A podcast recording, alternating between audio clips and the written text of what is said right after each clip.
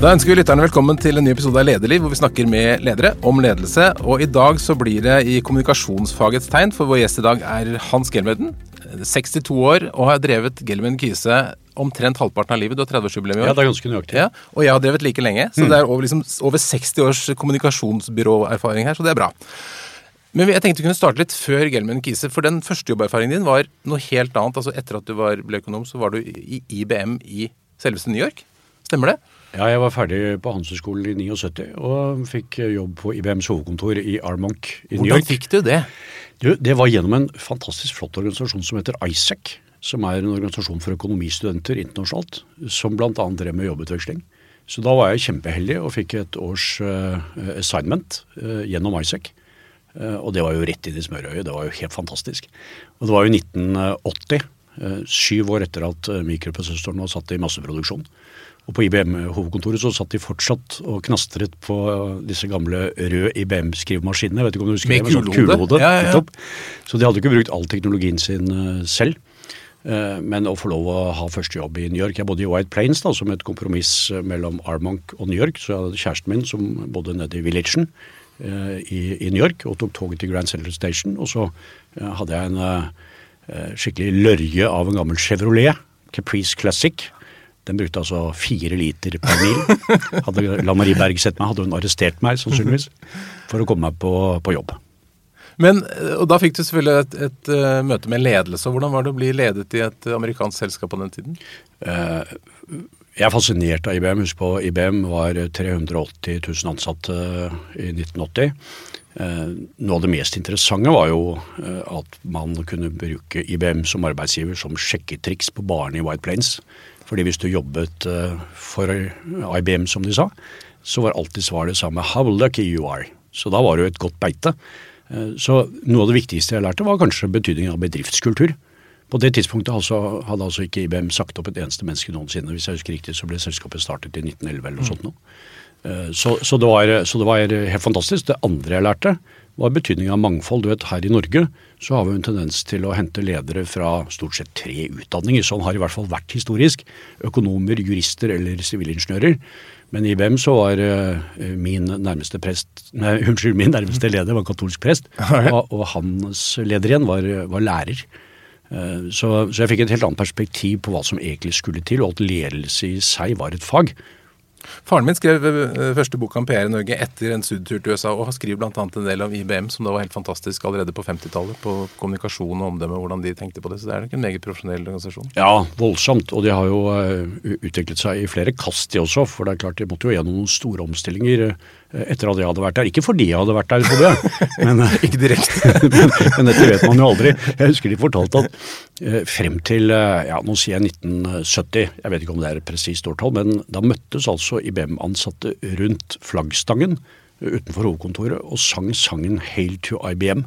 Eh, ikke sant? Så det var altså en bedriftskultur som eh, var noe av det heftigste jeg har sett. Men så dro dro du hjem og jobbet i, i eh, bladet Faremann, og også senere i Morgenbladet før du var i Gelman Gise. Hva tok du med deg fra IBM-kulturen eh, når det gjelder lederskap? Jeg, jeg vil si at noe av det som kanskje har, uh, har preget meg mest da, fra IBM, uh, i tillegg til eh, eh, lærdommen om bedriftskultur, eh, var eh, eh, eh, interessen for teknologi.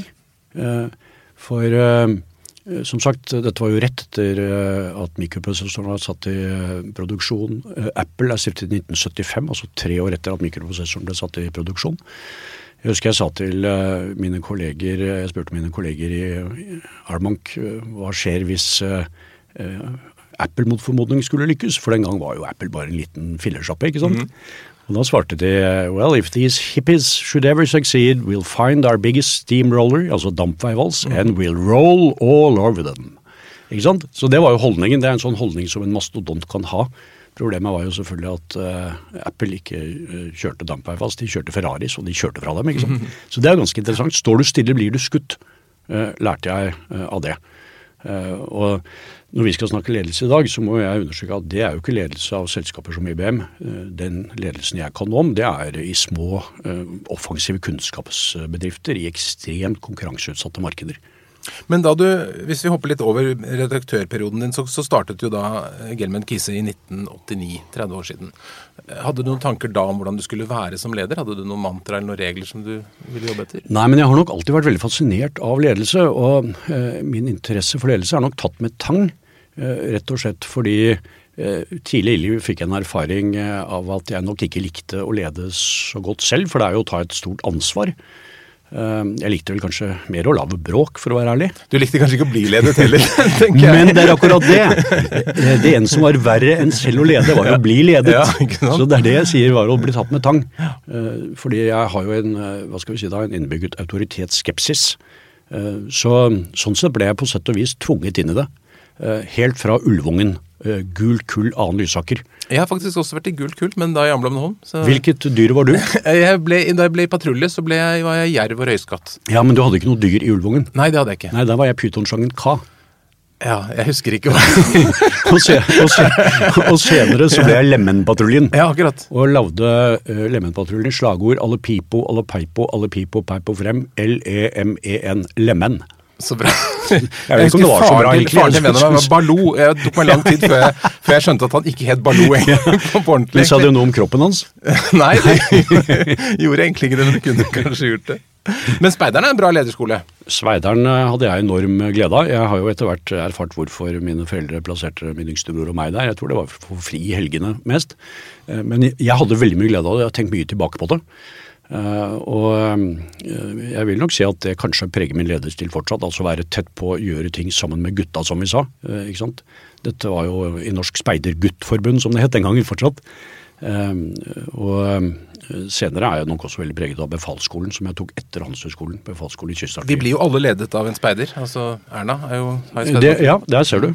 Der ser du. Så, jeg, nei, så, så det syns jeg var veldig, veldig lærerikt. Men både, både speideren og befalsskolen er jo veldig sånn litt eh, hierarkisk. Det er jo kanskje ikke sånn Gelman Kise ser ut? Nei, men det er jo ikke så veldig hierarkisk. Altså, Hvis du øh, er fenrik i kystartilleri, så har du en tropp. øh, 30-40 stykker. Øh, Og så har du geværlagførere, så det er ikke så veldig spisst. da, Men det er klart at øh, dette er jo laget for en krigsorganisering. øh, Og da kan du ikke akkurat legge ut alt på allmøte for å diskutere om dere tror at fienden angriper når fienden har angrepet. Så det er klart at det er, sånn sett er det en annen situasjon. Men det er en del ting jeg tenker er nyttig å ta med seg for en leder. Eh, Dette å gå foran tenker jeg er helt likt. Dette ikke å være redd for å få dritt under neglene, det tenker jeg er helt likt. Uh, Og dette å bygge tillit uh, gjennom uh, kunnskap og profesjonalitet, det tenker jeg også er likt. I Forsvaret legger du bokstavelig talt ditt liv i hendene på noen. Det er det, gjør du jo ikke i næringslivet, men du leder med faglig autoritet. Så i det så ligger det at du tenker at sjefen må kunne mest på jobben? Ja, i Gelman Kise så sier vi at kommunikasjonsfaget er limet i organisasjonen vår, og det har det alltid vært. Uh, så uh, For det er jo noen som teoretisk vært på at en god leder kan lede hvem som helst. Ja, det er sånn. bare tull, vet du. Ja. Det er bare tull. Uh, Så det er klart, jeg har jo ledet nå i kommunikasjonsbransjen. Jeg har ledet kunnskapsmiljøer, for vi hoppet over redaktørperioden, og det er fint. Men, eh, men jeg ledet jo, jeg var redaksjonssjef i Farmann, som var en, et forretningsblad som kom ut en gang i uken. Og jeg var sjefredaktør i et par år i Morgenbladet, da det var en dagsavis. Og dette er jo kunnskapsbedrifter alt sammen. Eh, Jeg leser med interesse om lederutfordringene i, i Morgenbladet nå, og jeg tenker det skulle ikke vært i min tid. Hva er forskjellen, tenker du? Ja, Nå kan jo ikke jeg dagens Morgenblad på fingrene, da, det må jeg understreke. Eh, Men eh, den type oppførsel ville jeg ikke akseptert, kort og godt. Hvilken, fra, fra de ansatte? Ja, en, en redaksjon. Jeg så alltid på meg selv da jeg var sjefredaktør, så så jeg på meg selv som dirigenten for et orkester. For jeg tenker at en avis eh, den gangen var som å komponere et lite musikkstykke hver dag. Og hvis jeg klarte å få til samspillet, kanskje noen partier med eh, vakker klassisk vals, eh, noen innslag av punkrock eh, innimellom, litt rasta, skjønner du, så ble dette ganske lesverdig. Og det er klart, Da må du ha stor respekt for de som skal lage disse musikkstykkene. Men eh, hvis du prøver å spille musikk uavhengig av hva dirigenten prøver å få til, så er det game over. Men du har hatt din, si, din andel av krevende medarbeidere, du òg. Mange veldig sterke, kompetente, med høy integritet, som sikkert ikke har vært enklest å lede alltid. Nei, kunnskapsmedarbeidere er jo eh, utfordrende å lede, naturligvis. Eh, Og som ikke det var nok, så har vi jo alltid sagt til Gilman Kisa at vi ønsker å være et mangfold av selvstendige individer med kunnskap og holdninger, åpenhet, mot, integritet og sans for humor. Uh, og denne setningen satt jeg og skrev romjulen 88, uh, noen uker før vi startet uh, virksomheten. Og den har vi vært trofast mot hele tiden. Men husk på at mangfold er ganske krevende. I rekrutteringsparagrafen vår har vi til og med en paragraf som heter originalitetsparagrafen. Vi skal altså aldri være redd for å ansette originaler. Eller gærninger, pleier jeg å legge til. Og det går fra toppen nå? det går hele veien, faktisk. og grunnen til at vi har det, er jo at jeg tenker at mangfold er en forutsetning for kreativitet. Og for meg er jo kommunikasjon et vakkert fag fordi det er et kreativt fag. Strategi er også et kreativt fag. Eh, så da må man ha ulike perspektiver, og med det mener jeg uh, ulike mennesker med ulik, ja, ulik alder, ulik utdannelse, ulik, ulike kjønn, holdt jeg på å si, etnisitet osv., men ikke med ulikt verdigrunnlag. Men har ditt syn på ledelse forandret seg mye i disse 30 årene? Hele tiden, Ole Kristian, for jeg syns ledelse er vanskelig. Mm. Og jeg syns aldri jeg blir god nok. Og samfunnet har forandret seg litt siden 80-tallet også. Ikke sant. Ja. Teknologien har forandret seg. Det legger jo helt andre forutsetninger for hvordan du kan eh, lede. Eh, og, og på, så, så, ledelse vil jo alltid være situasjonsbestemt. Selv om du leder innen samme sjanger, så vil situasjonen endre seg. Og det er mange ulike lederdimensjoner i ledelse også. Eh, jeg har jo vært toppleder det meste av tiden min, men jeg har jo også en periode vært mellomleder. Det har jo helt andre utfordringer. Eh, ikke spesielt attraktivt, egentlig, mellom barken og veden-ledelse, jeg å kalle det. Eh, men du har prosjektledelse, du har linjeledelse, du har stabsledelse. Så du har ulike ledersjangere innenfor dette. Og det jeg har vært mesteparten av tiden, er jo toppleder i linje, og jeg er veldig opptatt av linje. Jeg hater fett i organisasjonen, og jeg er skep veldig skeptisk mot stabsledelse. For det genererer alltid mer stab. I hvilke situasjoner har du, har du, følt deg på ditt beste som leder? Når har du vært stolt av deg selv? Eh, når vi lager eh, uovertruffen eh, kommunikasjon. Det er alltid det som har vært drivkraften. Og jeg er nok mye mer drevet av den prestasjonen da, enn jeg har vært av det økonomiske. Men nå er jeg jo 62, så nå må vi få til begge deler. Så det jobber jeg med, og det går veldig bra, skal jeg fortelle deg. Så bra, det er hyggelig å høre. Så for meg er ledelse oppsummert i én setning uh, å prestere sammen. Mm. Uh, og i Gelman Kise sier vi at to må man være, minst. Ikke sant? Så det å, fordi kommunikasjonsfaget er blitt mer komplekst. Altså I PR-byrå Gelman Kise, og vi var jo PR-byrå frem til 2005-2006-2007, så, så kunne jo et team være kanskje to-tre stykker. Et stort team var to-tre stykker. I dag er jo de største teamene våre 25-30 for å integrere hele kommunikasjonen. Det er klart det krever mye mer ledelse hele veien å få, å få, få dette til å samspille. Men du har jo prøvd å kvitte deg med dette lederansvaret, og du har ansatt en del sånne daglige ledere opp under som har ja. vært i mer eller mindre perioder. Men, men Det er helt sant, men, men, la meg understreke at jeg har uh, alltid vært leder for gruppen. Mm. Vi er jo 150 stykker mm. i GK. Vi har et kontor i Stockholm, København, Bergen og Oslo. Uh, så jeg har alltid vært leder for konsernet, da. Jeg ja. hater det ordet, la meg kalle det gruppen. Konsern høres som Norsk Hydro ut, og vi er bitte små. Ja. Ikke sant? Eh, og jeg har også vært styreleder hele tiden. Eh, men i tillegg er jeg jo nå leder for eh, Norge. Så du har helt rett. Jeg har ikke klart å finne en etterfølger. Det syns jeg er vanskelig. Jeg har tid til å få det til, men jeg innser jo at selv om jeg, selv om jeg sier at jeg ønsker, meg, ønsker å ta en Olav Thon, Eh, så er det jo også andre krefter som kan være med å bestemme. Du er jo noen og 20 år igjen til på Tonsalder. Altså ja, sånn han er 95, er ja? Jo, 96 år, tror jeg. Og det er, jo ikke, noe, det er ikke noe mål for meg, men det er klart, jeg syns jo det jeg driver med Jeg, synes, jeg er kjempeheldig. Jeg, jeg syns jo det er dritgøy hvis ikke alle er et kork. Jeg gjør mye av det, vet du. Jeg, jeg, jobber jo mye. Mm. Uh, det gjør vel alle ledere? Ja, jeg tror det. Ja. For jeg, jeg, tror ikke, jeg, tror det er helt nødvendig. Uh, særlig hvis du skal være tett på. Og hvis du dessuten er mye i markedet. altså Jeg står jo fortsatt for en uh, hyggelig andel av Gelmeid Kissers omsetning her i, i, Norge, og har stor glede av det. Jeg tror rett og slett ikke jeg kunne ha klart å bygge selskapet til det det er i dag, hvis jeg ikke til enhver tid visste hva kundene og markedet egentlig etterspurte. Det, og, og, også hva medarbeiderne presterer. ikke sant? Så jeg vet jo det hele tiden. Eh, både sånn at jeg kan stimulere og korrigere, men selvfølgelig også sånn at jeg kan anbefale andre, og noen av dem må finne på noe annet hvis det er riktig. Er det, hvilke opplevelser, erfaringer underveis er det som har på en måte forandret lederskapet ditt i disse årene?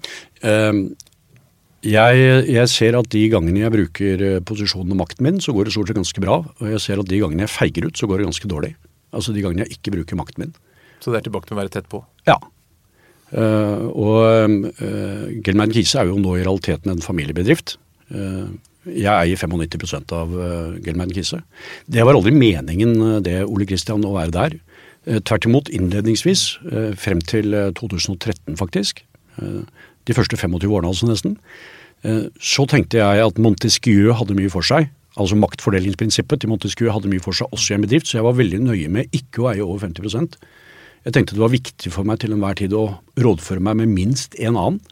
Men så kom jeg i en situasjon hvor to partnere i Danmark ønsket å slutte, og de eide 25% av selskapet, og ingen av de andre hadde penger til å kjøpe dem ut, men det hadde jeg. Så dermed, Og det var den eneste løsningen. Så dermed så havnet jeg på en betydelig større eierandel. Jeg må si i ettertid så trives jeg godt med det. Ja, for du har full kontroll. Men du, i sommer så opplevde du noe som jeg tror ingen ledere misunner deg. Du var på forsiden av Dagens Næringsliv med en oppslag hvor det sto med store bokstaver Han har en ekstremt gammeldags og utdatert lederstil. Hvordan føltes det å åpne avisen den dagen? Eh, det gjør meg ingenting. Da reagerer jeg på følgende vis. Den dagen jeg ikke får førstesiden på Dagens Næringsliv, så tenker jeg at min klikkverdi har falt dramatisk, og at merkevaren vår ikke var hva den lenger er hva den var. Eh, så eh, her må man jo forstå samspillet. Jeg kan jo ikke se at det å kreve prestasjoner er gammeldags. Jeg tror det er helt nødvendig. Eh, I hvert fall i en relativt liten kunnskapsdrift med 150 mennesker bare. Der man, der man er tett på. Da, da, må man prestere. Og er du partner, mm uh, uten å klare å selge og bygge kundeportefølje, så har du ingenting å gjøre som partner i en kunnskapsbedrift. Og, det, og, det, og dette er ganske sentralt. En, en, et partnerskap er en samling selvstendig næringsdrivende som finner ut at de har det bedre sammen enn hver for seg. Mm. Og klarer du ikke å bringe ved til bålet, ja da må du vær så god enten å finne deg noe annet eller å rykke ned. Husk på, i fjor så sjekket vi i Norge ut jeg tror syv eller åtte partnere, og vi holdt topplinjen. Think about it. Hva betyr det?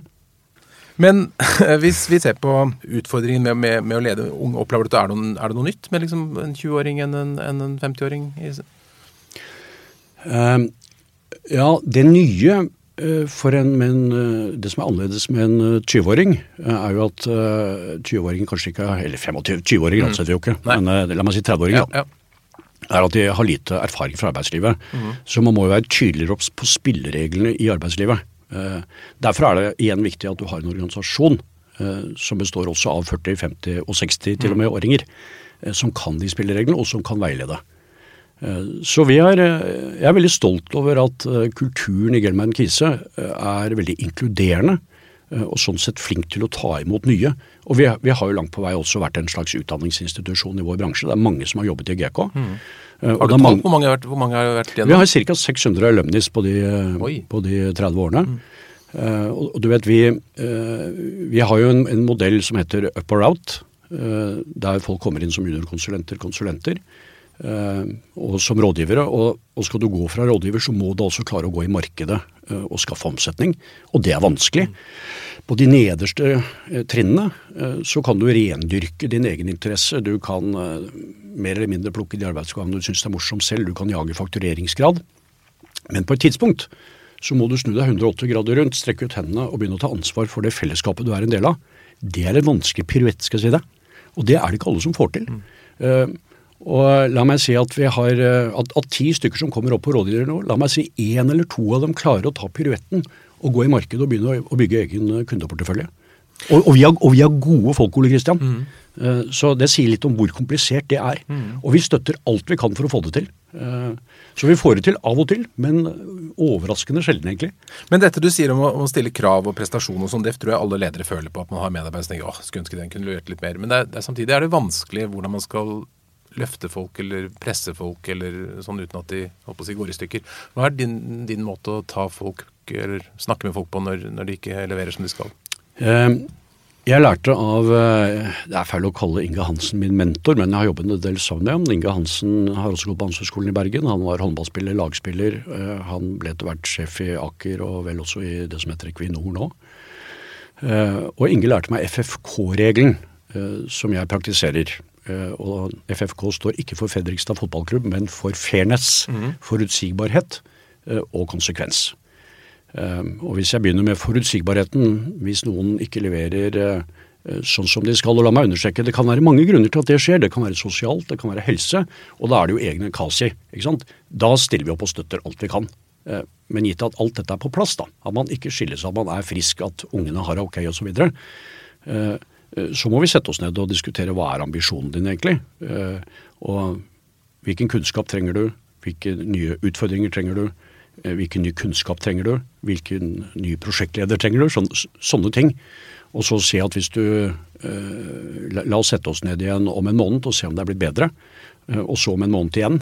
Eh, og, det er klart at hvis det ikke blir bedre, så må man jo begynne eh, å eh, diskutere eh, en konsekvens av dette. Eh, Og den konsekvensen må være fair på en eller annen måte.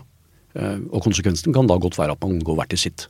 Opplever du at folk stort sett uh, håndterer det på en bra måte? Eh, Jeg er ikke noe gladere i å rydde opp enn det andre ledere er. Jeg tror de fleste ledere du snakker med syns at det er den minst eh, trivelige delen av lederrollen. Mm. eh, så, men, men, det, men det må gjøres noen ganger. Jeg, jeg tenker også faktisk at når man, når man må rydde opp mye, eh, så har man ledet dårlig. Eh, Så det tar jeg på min kappe, for i fjor måtte vi rydde mye. Eh, Og, og, og, til slutt så var det 42 stykker som sluttet eh, i, i Norge. Vi var 100 ved inngangen, men vi ansatte også 20, 20-30 stykker, sånn at vi både gasset og bremset på, på samme tid. Og vi gjorde det uten en eneste arbeidsrettssak, og vi gjorde det uten en eneste sluttpakke. Da syns jeg FFK hadde fungert. Er du med? Da er det fairness, mener du? Da mener jeg at det har vært forutsigbart. Da mener jeg at folk har fått en sjanse. Og jeg mener vi har funnet en fair løsning ved at vi går hvert til, hvert til sitt. Eh, altså, hadde, man, hadde ikke løsningen vært fair, så tror jeg vi hadde hatt både sluttpakker og, og, og kanskje enda verre arbeidsrettssaker. Men, det, men det gjorde vi ikke. Så jeg syns det var en veldig test på organisasjonen. Og en, og en test på at fellesskapet Gelmeiden Kise også er en liten sivilisasjon. Mitt inntrykk er at uh, du er veldig glad i, i uh, oppmerksomhet. Glad i støy, friks, øh, friksjon, være i avisen osv. Tror du det er viktig for, for ledere i den typen organisasjoner? Jeg tror det blir viktig, men jeg vil ikke si at jeg er spesielt glad i det. Men jeg tror på dialektikk. Eh, Jeg tror på sett og vis at krig er alle tings mor. Eh, Altså ikke med våpen, eh, men eh, å bryne seg. Jeg kommer fra en familie med kunstnere, med eh, politikere eh, selv. Eh, Og jeg syns denne frykten for å delta i ordskiftet er helt forunderlig. Og, for kommunikasjonsfolk, da. At vi kommunikasjonsfolk eh, skulle late som vi var mest opptatt av diskresjon. Det er jo en contradiction in terms. Det er jo absurd. Eh, Så jeg tror virkelig at forbedring handler om at ingen tror de har rett, men at alle tror de har noe å bidra med. Og at vi gjennom ordskiftet kommer frem til løsninger som gagner fellesskapet vårt. Og ja, jeg deltar med liv og lyst i de diskusjonene. Det mener jeg er min borgerplikt. Men tenker du at debattklimaet har blitt øh, vanskeligere de siste årene? Jeg mener at risikoevnen i Norge har falt dramatisk, og det preger jo debattklimaet også. Eh, Og så tenker jeg eh, Vi er redde, rett og slett? Ja. eh, Gi noen eksempler. Vi er, eh, hvis vi skal holde oss til kommunikasjonselementet i det, mm. og snakke om næringslivet, så, så er det jo veldig mange næringslivsledere som kommer til konsernsjefstillingen gjennom finansavdelingen. Mm. Og det er klart, finansfolk er jo først og fremst trent til å ta risiko. Eh, Og kommunikasjon er risikosport. Eh, Sånn som du og jeg kan hjelpe folk å forberede seg, eh, sånn at presisjonen blir bedre og sånn at risikoen tas ned. Men uansett innebærer det en risiko. Det er en risiko som ganske mange ledere kvier seg for, eller velger ikke å ta. Jeg tror at dette kommer til å forandre seg, fordi vi ser at kapitalismen forandrer seg. Vi har jo fått en kapitalisme som er ganske uforsonlig og ganske usympatisk. Tidvis rovdyrkapitalisme. Eh, Der jakten på penger til eier, altså Milton Friedman-tenkningen, har vært ganske enerådende. Jeg tenker vi er i ferd med å få en eh, kapitalisme som blir mye mer av en stakeholder-kapitalisme, der mange flere interessenter og interesser må ivaretas. Eh, Politikere, samfunn, media, medarbeidere, kunder, og, og- og ikke bare eiere. Husk på, Men det er vel positivt? og det er veldig positivt. Eh, Og jeg heier frem det alt jeg kan. Jeg ser jo eh, gjennombruddet for den tenkningen i Statene. Eh, Nå var det et amerikansk roundtable på 250 av lederne fra de største amerikanske bedriftene for en måned siden, som sa at, at Milton Friedman-tenkningen var ute, og at man må balansere dette mye, mye mer. Husk på, en av kapitalismens største oppfinnelser er aksjeselskapet aksjeselskap på engelsk heter company, kompani på fransk, selskap på norsk. Det smaker av fellesskap. Det smaker av noen mennesker gjør noe sammen. Ikke bare innenfor AS-grensen, men i forhold til det samfunnet de lever i også. Jeg syns dette er vakkert, og jeg håper at kapitalismen kan finne tilbake til sitt gamle jeg på denne måten. Og jeg tror det er viktig. Men hvis vi ser på det store bildet, så er jo ikke næringslivet i Norge på en måte så attraktivt og populært som det har vært tidligere. Mange ser ned på liksom bedrifter og næringslivsledere, og man er ikke nødvendigvis helten hvis man tjener penger. Det er jo ofte eh, Det har jo også NHO påpekt, at liksom hele omdømmet til det private næringsliv er litt truet. Hva tenker du om det? Ja, jeg, jeg, er ikke så bekymret eh, for det egentlig, men, men, det er klart eh, hvis folk går rundt og tenker at eh, vi i hverdagen har det sånn som de har på Exit på NRK, ja. så Det er jo et lite kokain og horer der i, i lederliv, det må vi si. Ja. Så jeg må si at både leder innenfor organisasjonsliv, næringsliv, politikk, samfunnsliv er jeg imponert over. Og jeg møter mange av dem.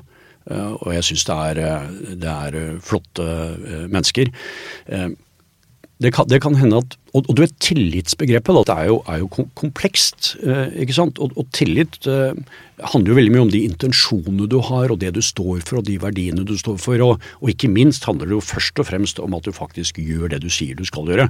Eh, det var jo din gamle fars claim to fame, dette siste. Ikke sant? Eh, hva het din far til fornavn? Nils. Nils het han. Mm. Eh, så det er jeg veldig enig med din far i, da. Eh, at det er det det grunnleggende sett handler om. Eh, for å bygge Men Tror du ledere i dag er mer bevisst på omdømmet sitt enn, eller tilliten til bedriften? enn tidligere? Ja, men på feil måte. Det er derfor jeg er så skeptisk til det begrepet. Hvordan da? For, jo, fordi jeg tenker at mange er opptatt av omdømmebegrepet også i en krisesituasjon eller en omstillingssituasjon, istedenfor å være opptatt av å gjøre det riktige. Mm. Det er derfor jeg trekker frem intensjonen, mm. eller at man sier det man skal gjøre. For min erfaring som leder er at hvis du forklarer at dette er helt nødvendig å gjøre. Jeg liker det ikke, men det er helt nødvendig. Mm. Og vi skal gjøre det så skånsomt, eller så FFK som mulig. Så, så, kjøper folk intensjonen din, og de skjønner hva det handler om. Ikke sant? Og, da, og, og, Hvis du trekker inn omdømmet for tidlig, da, så kan det hende at du er for, for, forsiktig med å gjøre det som er nødvendig, rett og slett fordi du tror du blir upopulær eller mislikt av det. Ja, Eller så har du et så godt omdømme at du tåler å gjøre de endringene. Men, men uh, hva tenker du når det gjelder endringskommunikasjon? Altså, eh, hva er dine, du har vært med i mange store endringsprosesser gjennom de årene. Hva er de viktigste erfaringene for selskaper som skal gå fra A til B? Hvordan skal de jobbe? Eh, du har jo endret Gelman Kies litt også underveis? Ja, bevares. Det er jo en helt annen, eh, helt annen, virksomhet. Jeg tenker Hvis du ikke er villig til å ta de tøffe takene som skal til, eh, så mister du de beste folkene og ikke de dårligste. Så det må si at du, man skal egentlig passe på å gjøre skikkelige endringer? Ja. Mm. Og min erfaring er at når du, når du, kommer i gang, og de fleste vil grue seg til mm. å komme i gang, jeg gjør det også, det er det jeg kaller å feige ut, men når du kommer i gang, så er min erfaring, uten unntak, både når jeg hjelper oppdragsgivere og når jeg gjør det selv, at organisasjonen kommer og sier det var jogge på tide, vi lurte på om Mikkel Ellertsen skjønte hva som skjedde. Så, så, i sum så, så, hører jeg at du er ganske sånn på den litt, sånn, litt eh, tøff, litt uh, uredd uh, lederideal? Jeg, jeg, tror nok at jeg er ganske trygg på meg selv. Uh, men, men, ledelse har ikke noe med tøffhet å gjøre. Ledelse har noe med det å, med, det å gjøre, å gjøre det som er nødvendig. Eh, og husk på at Jeg har ikke ledet i offentlig sektor. Ledelsesprosesser i offentlig sektor vil ha andre formål. I politikken så handler det ikke om resultater. I politikken handler det om å bygge lojaliteter, med mens på, å bygge flertall for å sikre makt. Det er jo helt andre prosesser. Men ledelse i privat næringsliv, i en kunnskapsbedrift, i en ekstrem konkurranseutsatt marked som vi snakker om nå, det handler om å få resultater. Har du noen mantraer eller leveregler som leder, bortsett fra FFK? ja, jeg jeg har et mantra som har fulgt meg i mange år, egentlig. Uh, fra uh, Augustin, eh, som sier, at, som sier 'fasthet i det sentrale, frihet i det perifere og kjærlighet i alt'. Og jeg tenkte den kunne passe nå som du prøvde å putte meg i en sånn John Wayne-bås. For jeg har ikke noe, altså GK er ikke noe cowboykultur. GK er en forutsigbar, ganske veldig sterk bedriftskultur. Og en sivilisasjon, som jeg sa til deg i sted. Og da er det veldig viktig at du gjør det du gjør Eh, med forståelse og menneskelig innsikt. Du får ikke noe bonuspoeng for å sjekke deg, ikke sant? Mm. Jeg tenkte ikke John Wayne, men når du sier det, så det, det passer deg litt. Jeg, jeg kunne godt tenkt sett meg for deg med, med hatt eller sett deg for meg med hatt og, og, og, revolver. Vet du hvor mange spillefilmer han eh, lagde? Nei. 240 ca. De handlet om det samme, alle sammen faktisk. Han red inn landsbyen ved soloppgang. Reddet kvinner og barn, enker og faderløse. Red ut av landsbyen ved solnedgang. Børstet av seg støvet og sa 'a man's got to do what a man's got to do'. Ja. Det er noe for litt, deg å tenke på? Ja, litt, litt, som deg òg. For det er jo den, det er vel også det med, eh, som, eh, med Apropos John Wayne her, da. Det er jo litt det er alltid et nytt problem som dukker opp i, i Hjelmund Kise eller i en bedrift. Altså, det, det liksom blir aldri helt Nå er vi ferdig med å utvikle. Aldri. Eh, og derfor må du være så tett på. Så når jeg står opp om morgenen, så ser jeg av og til på meg selv som en som står og sjonglerer tallerkener. Uh, la meg si at jeg har 150 tallerkener, da, hvis hver enkelt medarbeider er en tallerken. Og det er helt riktig som du sier, uh, at minst én av dem er på vei mot bakken til enhver tid. Altså Minst én av dem har en dårlig dag. eller, eh, ikke sant? Så det å, det å fange opp dette, støtte hverandre, hjelpe hverandre, uh, det er helt avgjørende for å få dette orkesteret til å spille sammen. ikke sant? Og det stiller vel da en del krav til håper å si, både tålmodighet og selvbeherskelse, og ikke, ikke ta ut dette på, på de det gjelder? Ja, eh, og, og, du vet de to du nevner der, er vel kanskje ikke de ordene som uh, vi gründere er aller mest glad i eller sterkest på.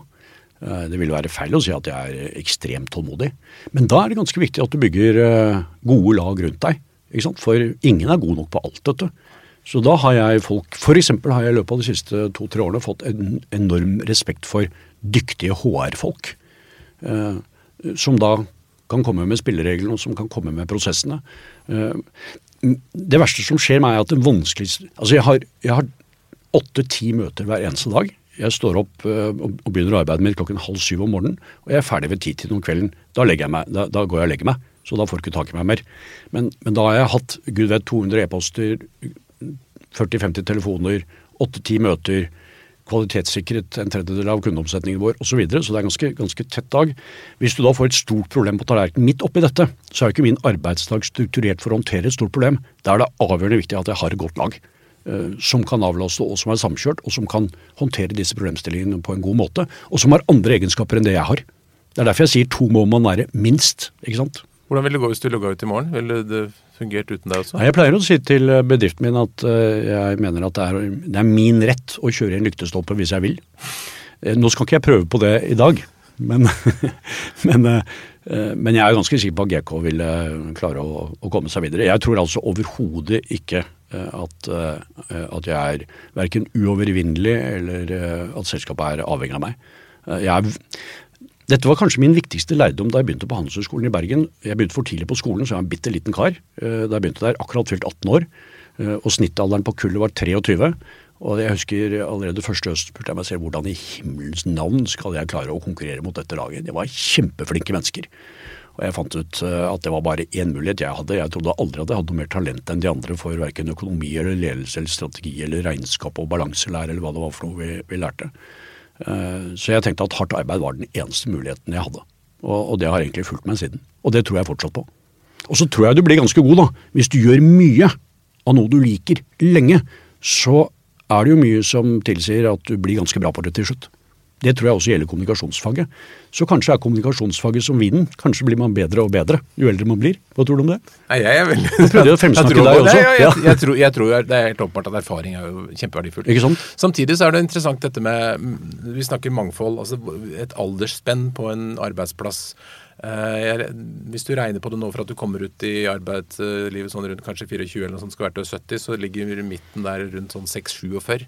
Og da vil jo mange si, liksom føle at arbeidslivet, at de begynner å bli gamle, og at arbeidslivet går mot slutten, og så er man kanskje bare halvveis. Hva tenker du om det for oss ledere fremover, å håndtere liksom en, en arbeidsstokk som da spenner fra noen og 20 til 70 år, da? Ja, det har jeg tenkt mye på. Og jeg tenker svaret for mitt, som jeg har gitt meg selv i hvert fall, er at jeg har, må, må, må, endre arbeidsstil ganske dramatisk.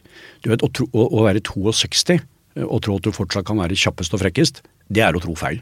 Så da må du, da må du slåss på andre måter. Prøve å hente frem noe klokskap, noe vurderingsevne, noen erfaringer, og sette sammen lagene dine på andre måter. Så det er i hvert fall mitt svar på dette. Så da kan du holde på at du er Olav Thon? Da tror jeg, Vel å merke så lenge du har helsen med deg. ikke sant? Så eh, jeg lever veldig asketisk. Det var en som sa til meg Hans, du pingler ut. Altså, jeg, La meg si det sånn at jeg sov ikke så mye før jeg var før, eh, men jeg har sovet mye etterpå. og eh, jeg rører helst ikke alkohol. Eh, røke er det vel ingen som gjør lenger. Eh, jeg legger meg klokken ti, sover åtte timer, sover som et barn. Eh, trener tre-fire dager i uken. Så jeg lever ganske asketisk, altså. Men et eller annet sted må du finne litt inspirasjon utenom jobben òg. Hvor er det du henter Blir det noe kultur? Og, Natur og kjærlighet. Natur og kjærlighet, ja. Så jeg har en inspirerende, inspirerende Jeg har en stor vennekrets. Inspirerende familie rundt meg. Uh, og bruker, som mange nordmenn, naturen som sanatorium, rett og slett. Vi har hatt ledere her som sier at de frigjør en dag i uken til å gå i marka og tenke. Har det vært et tema? Nei, sånn kan ikke jeg drive på. Men, men, jeg er ganske nøye med hvis jeg er i selskap ja, hvis jeg er i selskap fredag kveld, så sovner jeg jo under forretten normalt. Så, så, det er ikke så mange som inviterer meg da lenger. Men, eh, men hvis jeg er ute en lørdag, så er jeg fortsatt ganske tidlig hjemme. Så eh, når vi da er ferdig med taflet, så går jeg fort hjem. Eh, Og vanligvis kjører jeg bil. Sånn at jeg i hvert fall kan få gått en tur, lang tur i marka eh, søndagen. Hvis det kommer en ung person til deg og sier Hans Gelmen, jeg vil bli som deg, jeg vil bli, sånn, jeg vil bli en god leder. Det vil jeg fraråde på det sterkeste. Ok, god leder. Ja. Ikke jeg vil ikke bli som deg, jeg vil derimot bli en god leder. Ja. Hvilke tre råd vil du gi da? Eh, altså for, for det første, eh, og det syns jeg er litt interessant, jeg holdt eh, hovedforedraget på Handelshøyskolen på Karrieredagene for en måneds tid siden. Eh, og det er ganske interessant eh, og litt trist å se hvor relativt få eh, studenter på Norges handelshøyskole som ønsker å bli ledere.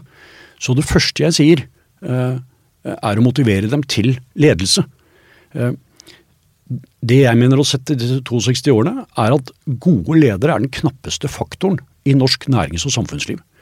Det er nesten alltid på ledernivå det skjærer seg. Eh, Så, men det betyr ikke at man ikke skal ønske det. Det betyr at man skal organisere seg for det og forberede seg for det.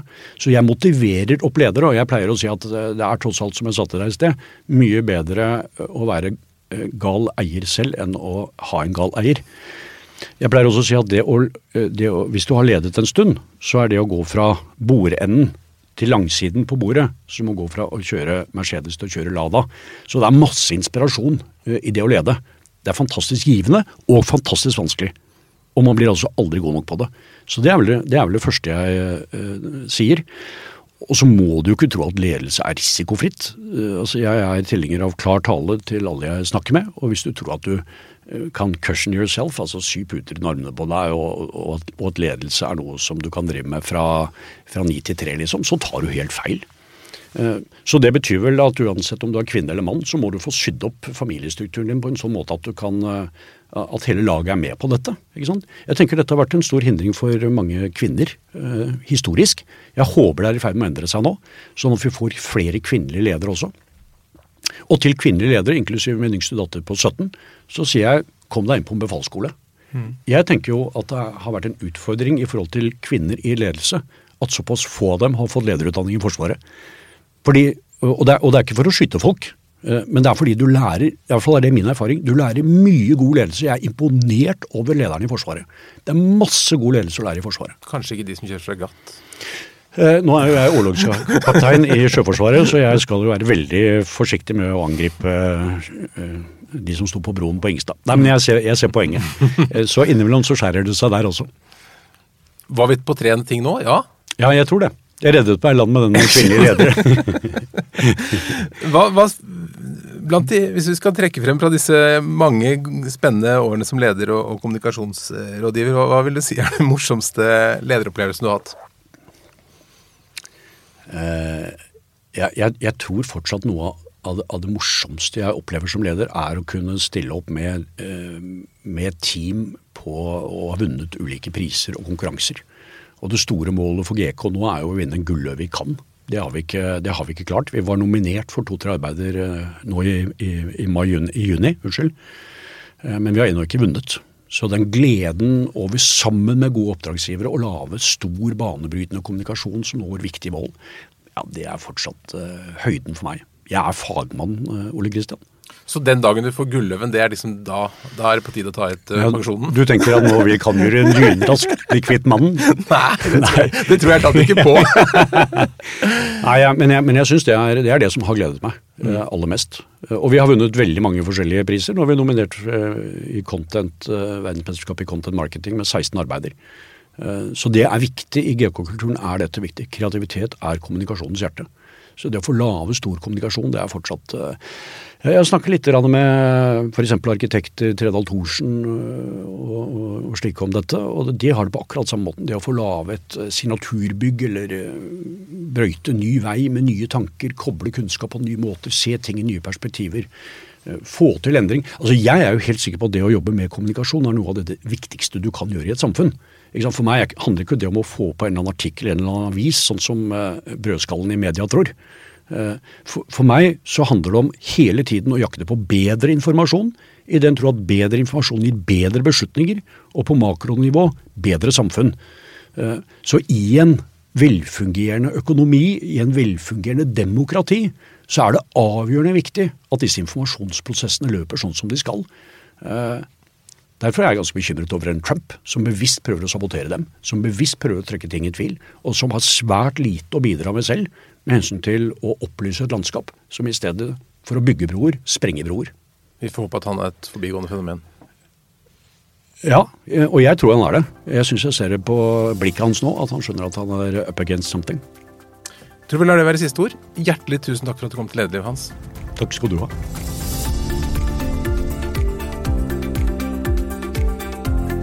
Tusen takk for at du lytter på Lederliv, som er en podkast fra kommunikasjonsbyrået Apeland. Redaksjonen består av Ellen Paulsen, Lars Jarle Melum, Lars Volden og Ole Kristian Apeland, som er meg. Du finner alle utgaver på lederliv.no, eller der hvor du pleier å finne podkast. Ta gjerne kontakt hvis du har noe på hjertet. Ris, ros, tips om leder eller hva som helst på Facebook-siden vår eller på tips at lederliv.no.